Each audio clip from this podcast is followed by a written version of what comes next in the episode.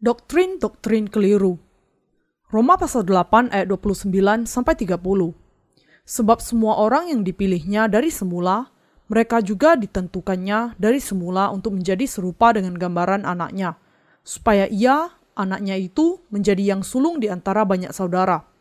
Dan mereka yang ditentukannya dari semula, mereka itu juga dipanggilnya, dan mereka yang dipanggilnya, mereka itu juga dibenarkannya dan mereka yang dibenarkannya, mereka itu juga dimuliakannya. Bagian itu mengatakan bahwa Allah menentukan untuk menyelamatkan manusia di dalam Yesus Kristus. Untuk itu, Allah sudah memanggil mereka di dalam Kristus, membenarkan mereka yang dipanggilnya, dan memuliakan mereka yang dibenarkannya. Semua kebenaran dasar di dalam kitab suci direncanakan dan diselesaikan di dalam Yesus Kristus.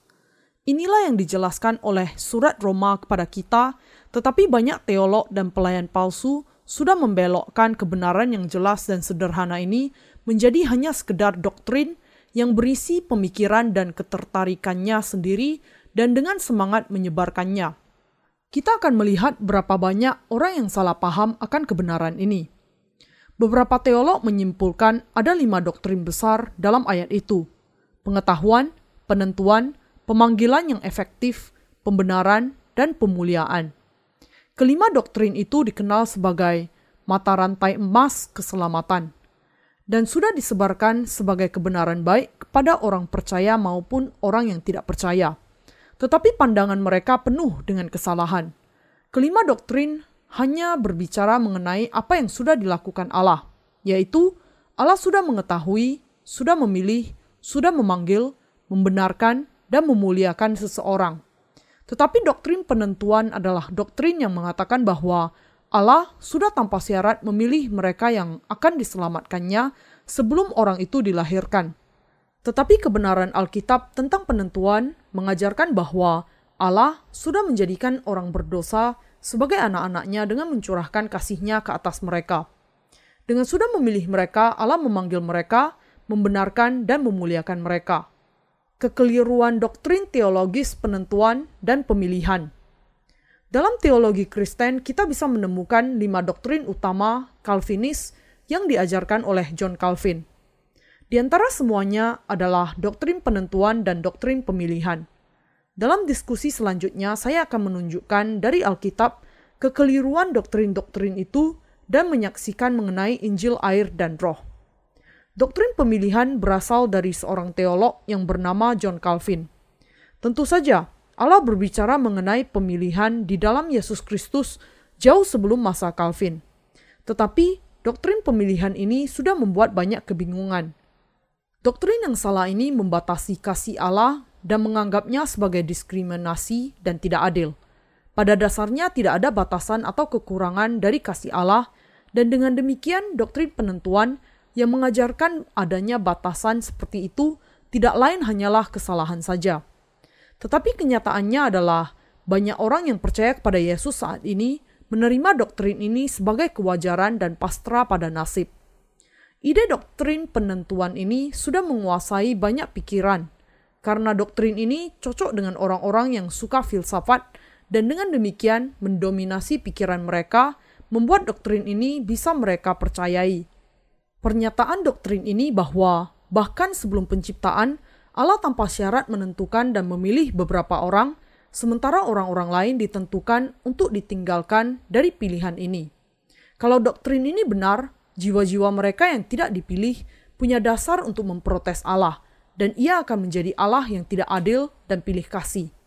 Karena doktrin-doktrin ini, kekristenan zaman ini terjebak ke dalam kebingungan – sebagai akibatnya, banyak orang Kristen menderita sambil berpikir, apakah aku dipilih? Kalau Allah sudah membuang aku sejak sebelum penciptaan, apa gunanya aku percaya kepada Yesus? Mereka akhirnya menjadi lebih tertarik kepada apakah mereka termasuk atau tidak di dalam pilihan Allah. Inilah sebabnya doktrin penentuan mengakibatkan begitu banyak kebingungan di antara orang-orang yang percaya kepada Yesus saat mereka lebih mempertanyakan pemilihan mereka dibandingkan dengan Injil air dan roh yang diberikan oleh Allah. Doktrin ini mengubahkan kebenaran kekristenan hanya menjadi sekedar agama dunia. Tetapi ini adalah saatnya untuk kita membuang doktrin yang salah itu dari umat Kristen dengan Injil yang sudah memberi kesaksian mengenai kebenaran Allah. Untuk itu, Anda harus terlebih dahulu melihat sendiri apakah doktrin penentuan itu benar atau tidak dan dibebaskan dari segala dosa Anda dengan mengenal dan percaya kepada Injil, air, dan roh. Mereka yang sungguh-sungguh dipilih oleh Allah adalah mereka yang mengenal dan percaya kepada kebenarannya. Penentuan dan pemilihan yang dibicarakan dalam kebenaran.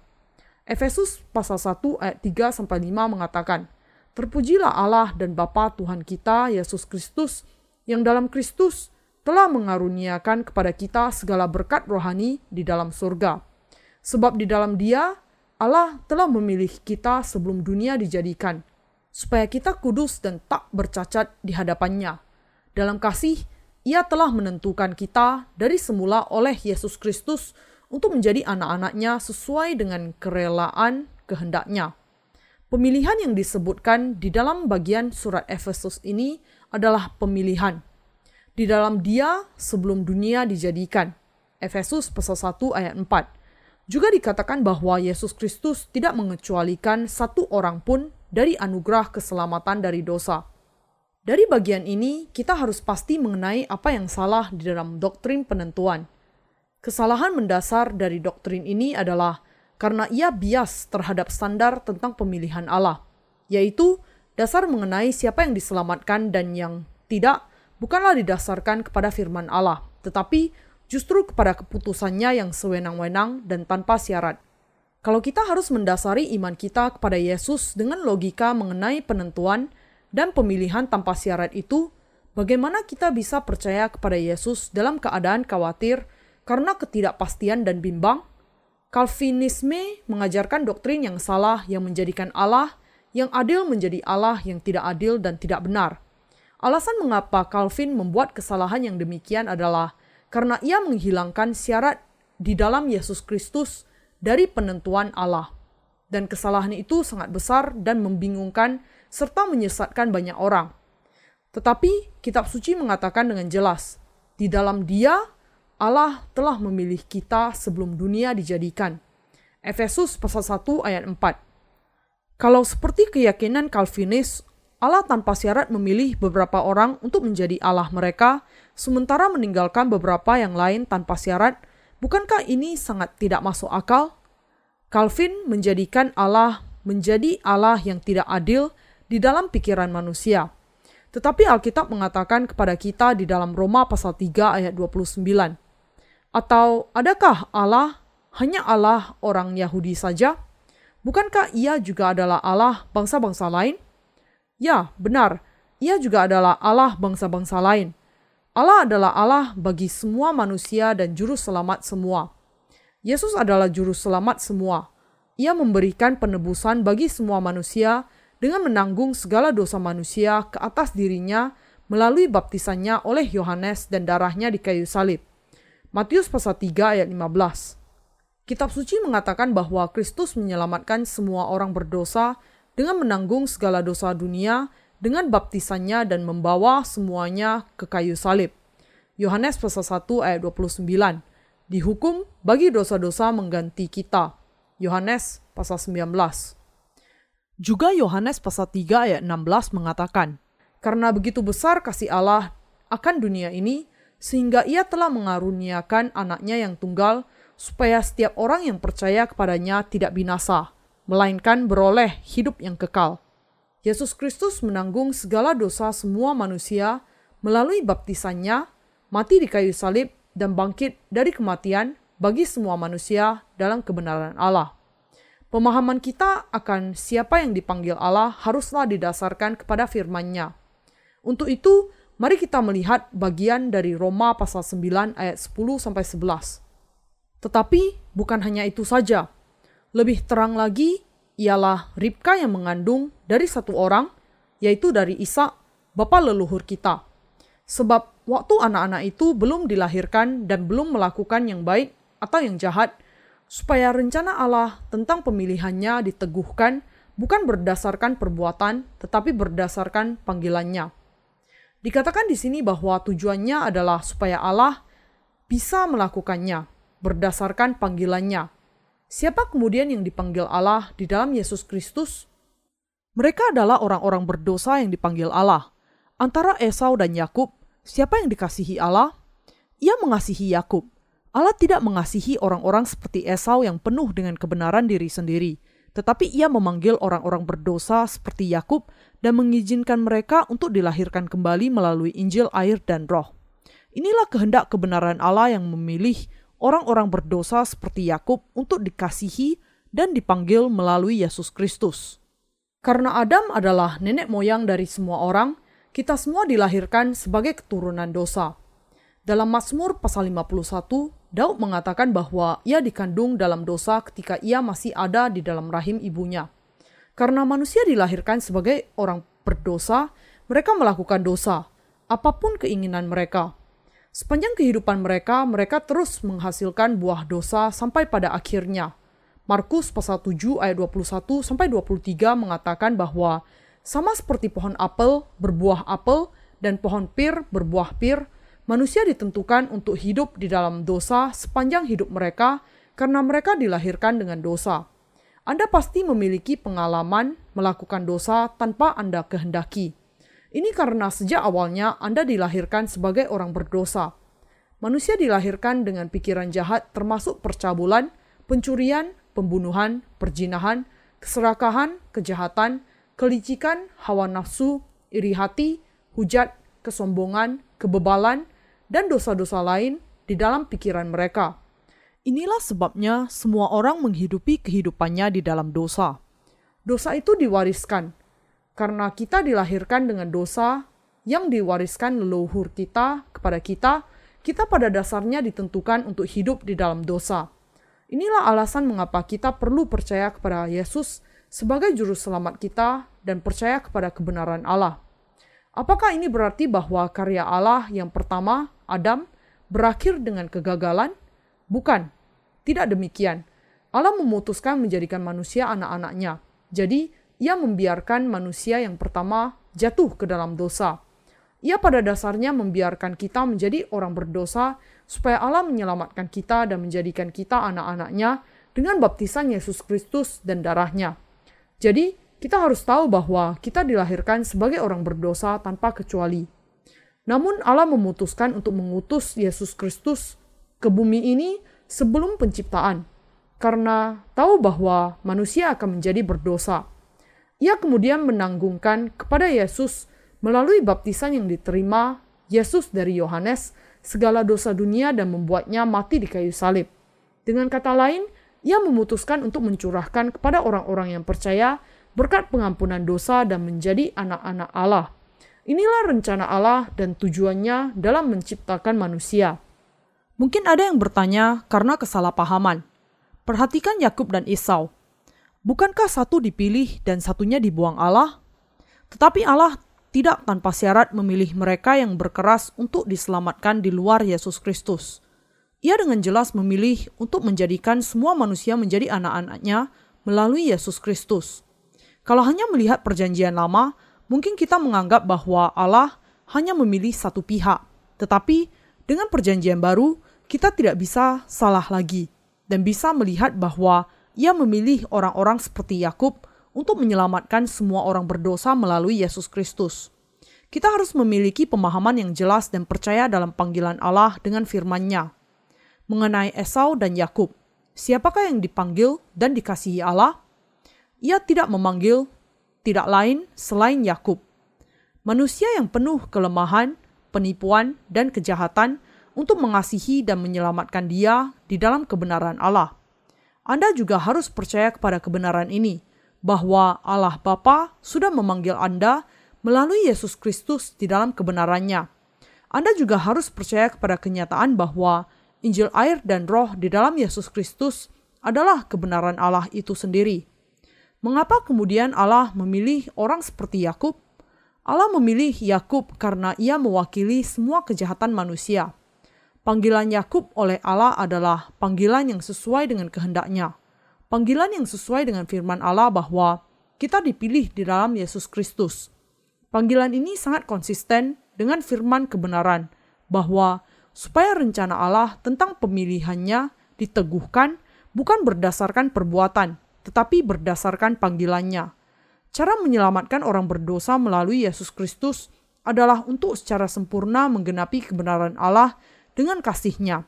Inilah hukum keselamatan yang ditetapkan dengan kebenaran Allah bagi orang berdosa. Untuk mengenakan kebenarannya kepada mereka, Allah memanggil orang-orang seperti Yakub yang tidak memiliki kebenaran diri sendiri sama sekali dan mereka yang menjawab panggilannya melalui Yesus Kristus. Apakah Allah memanggil mereka yang memiliki kebenaran diri dan yang nampaknya baik-baik saja? Atau apakah dia memanggil mereka yang tidak memiliki kebenaran diri yang penuh dengan kekurangan? Yang dipanggil Allah adalah orang-orang seperti Yakub.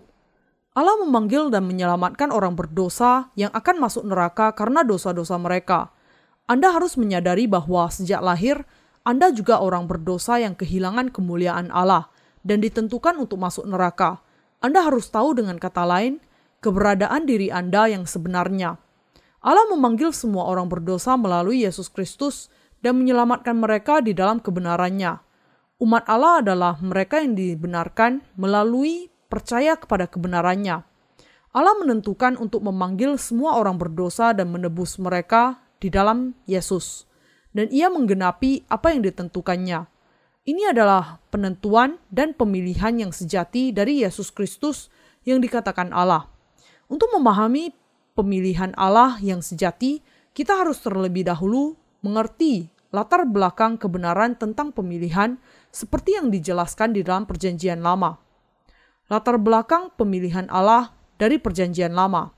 Kejadian pasal 25 ayat 21 sampai 26 menceritakan mengenai kisah Yakub dan Esau ketika masih ada di dalam rahim ibunya Ribka. Di antara keduanya, Allah memilih Yakub. Calvin mendasari doktrin pemilihannya dari bagian ini.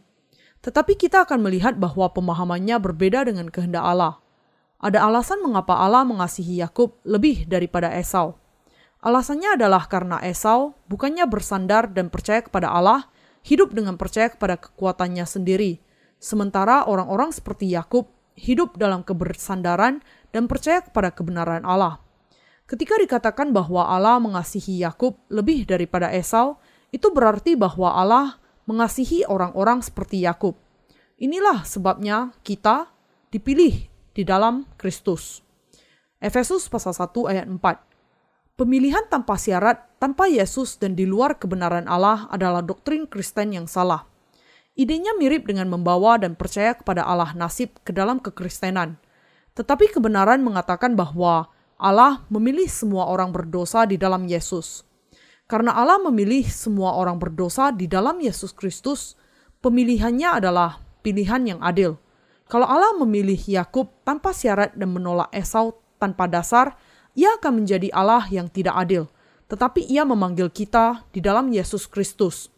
Dan untuk menyelamatkan mereka yang dipanggilnya, ia mengutus Yesus ke bumi ini untuk menanggung segala dosa dunia dengan baptisannya yang sudah menggenapi semua kebenaran Allah dan mencurahkan darahnya yang mulia di kayu salib.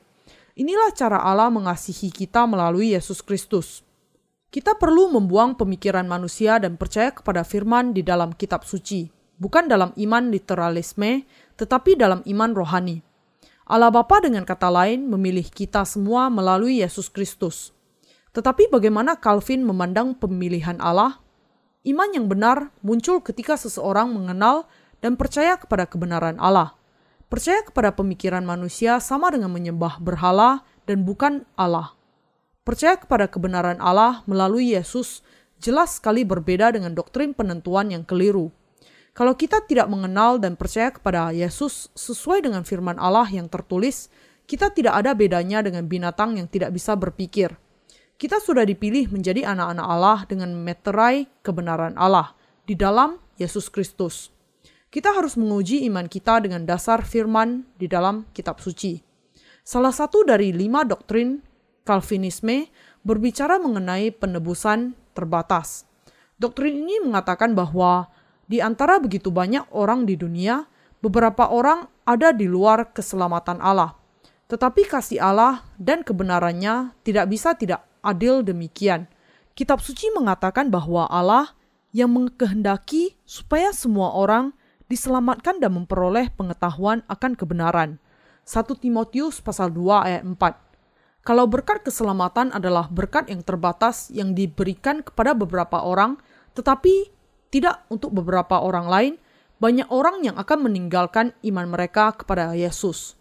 Mereka yang percaya kepada doktrin yang keliru itu harus kembali kepada Injil, air, dan Roh, diselamatkan dari dosanya, dan menerima kehidupan kekal dengan mengerti dan percaya kepada Yesus Kristus sebagai Juru Selamat mereka. Allah sudah menyelamatkan semua orang melalui Yesus Kristus dengan kebenarannya.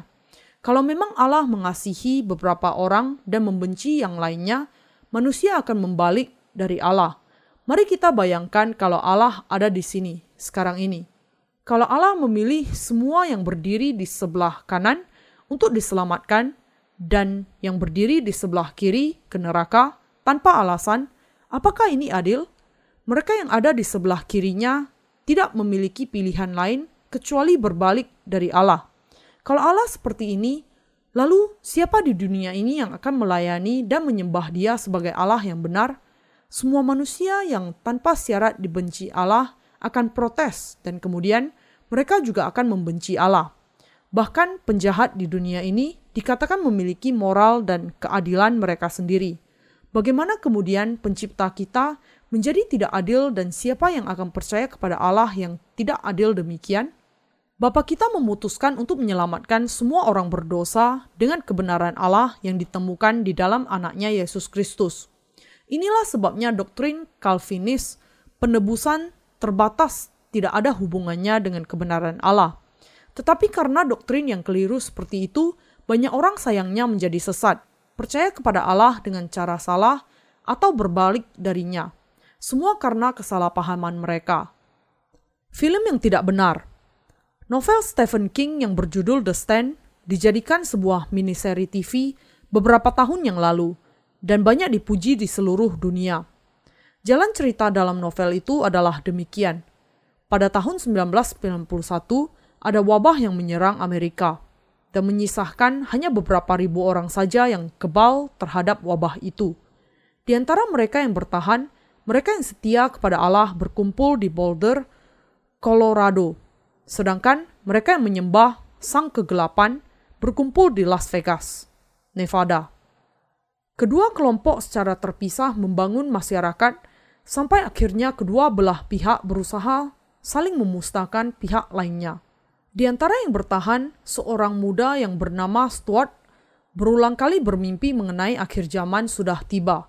Dan ada seorang wanita tua yang bernama Abigail yang mengatakan kepadanya untuk pergi ke suatu tempat dan mengingatkannya bahwa Allah sudah memilihnya.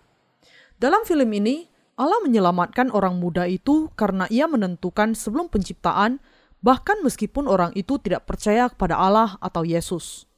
Apakah Allah kemudian tanpa syarat menyelamatkan mereka yang bahkan tidak percaya kepada Yesus?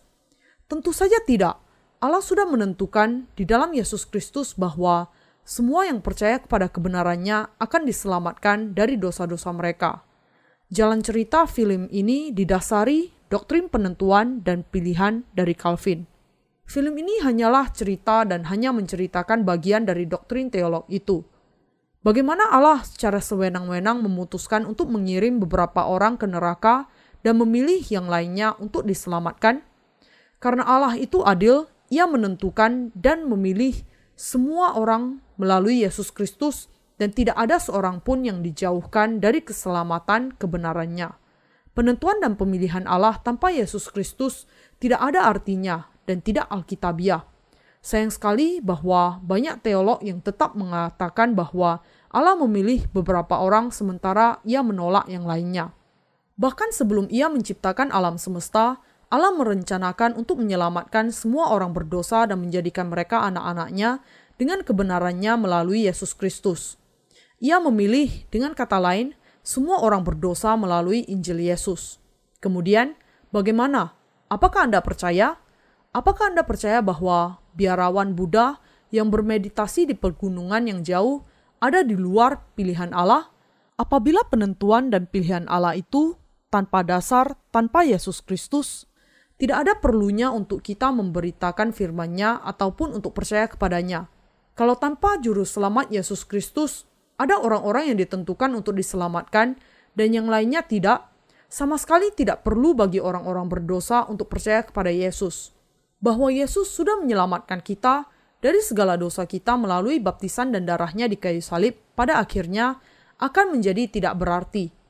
Tetapi di dalam kebenaran Allah yang ditemukan di dalam Yesus Kristus, Allah mengizinkan keselamatan terjadi bahkan bagi biarawan Buddha yang tidak percaya kepada Yesus hanya kalau mereka bertobat dan membalikkan pikiran mereka kepada Allah. Ada banyak orang di dunia ini yang menjalani kehidupan mereka dengan percaya kepada Yesus. Kalau kita membagi mereka dalam dua kelompok, yang satu kelompok adalah orang-orang yang seperti Esau dan yang lainnya adalah yang seperti Yakub. Orang-orang seperti Yakub mengakui dirinya sebagai orang berdosa yang akan masuk neraka, dan dengan demikian diselamatkan dari dosa mereka karena percaya kepada Injil air dan roh yang diberikan oleh Yesus. Kelompok yang lainnya terdiri dari orang-orang seperti Esau yang berusaha masuk ke dalam surga dengan menambahkan usaha mereka sendiri kepada iman di dalam Yesus. Siapa yang Anda sukai, Yakub atau Esau? Apakah Anda percaya kepada kebenaran Allah? Apakah Anda percaya kepada doktrin penentuan yang keliru itu? Pilihan Anda di antara kedua iman akan menentukan akhir kehidupan Anda, surga atau neraka. Anda harus membuang doktrin yang keliru itu dan menerima kebenaran Allah untuk berdamai dengan Dia dengan percaya kepada Injil air dan roh yang dikatakan oleh kebenaran Allah. Hanya iman ini yang memberikan kepada kita kebebasan yang sempurna dari dosa-dosa kita dan kehidupan kekal.